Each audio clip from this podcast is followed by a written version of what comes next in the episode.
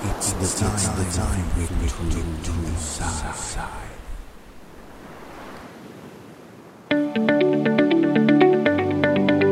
Salam terobosan bagi para pendengar Breakthrough Insight. Sejak pertama kali kita menjadi orang percaya, sering kali kita mungkin bertanya-tanya mengenai fakta dan keberadaan Roh Kudus yang sudah dicurahkan.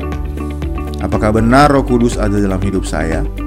Gimana sih seharusnya kondisi hidup saya kalau Roh Kudus menyertai? Untuk itu kita ingin bertanya langsung kepada Pastor Stephen Agustinus. Pastor, apa fakta keberadaan Roh Kudus kalau memang benar Roh Kudus ada dan menyertai kita? Ketika saudara sebagai jemaat, engkau mulai membuka hatimu. Dan saudara mulai belajar menerima, katakan aku mau menerima. Semua fakta kebenaran tentang keberadaan Roh Kudus dalam hidupku.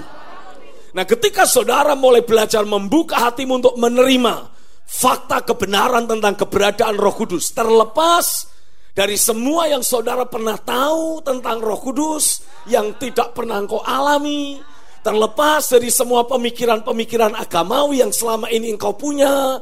Oh, kalau aku belum doa puasa, aku tidak alami Roh Kudus. Kalau aku belum begini, aku belum begitu, aku tidak alami Roh Kudus. No, no, no. Alkitab bilang, Bapa sudah menjawab permintaan Yesus.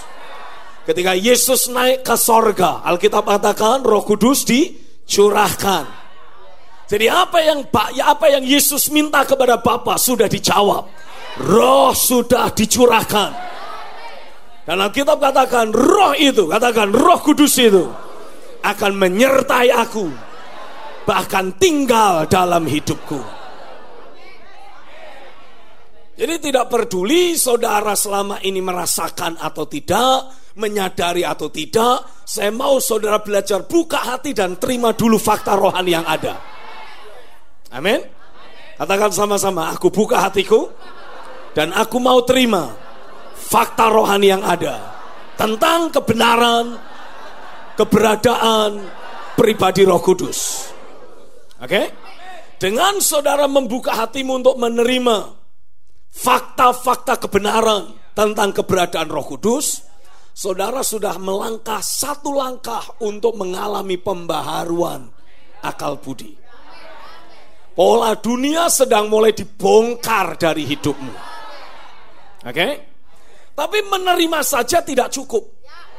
Karena setelah saudara membuka hatimu untuk menerima, saudara harus mulai melakukan sesuatu. Nah, di sinilah tindakan aktif saudara dibutuhkan tindakan kerja sama saudara dibutuhkan.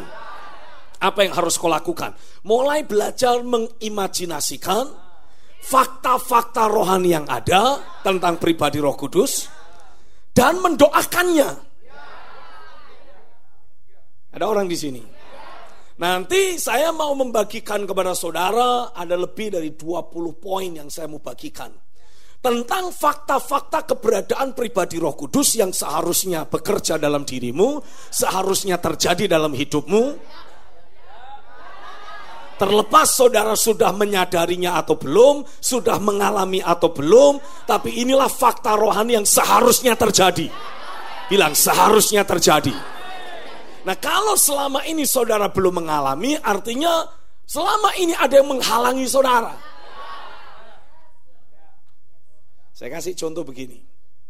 Kalau saudara beli TV baru, habis kebanjiran kemarin kan? Jadi sekarang beli TV baru, pasang nih, udah dicolokin listriknya, colokin kabelnya semua udah dicolokin, lalu saudara duduk, lalu saudara pegang remote. Ketika saudara pencet tombol on off-nya remote, harusnya TV-nya nyala nggak? Harusnya nyala.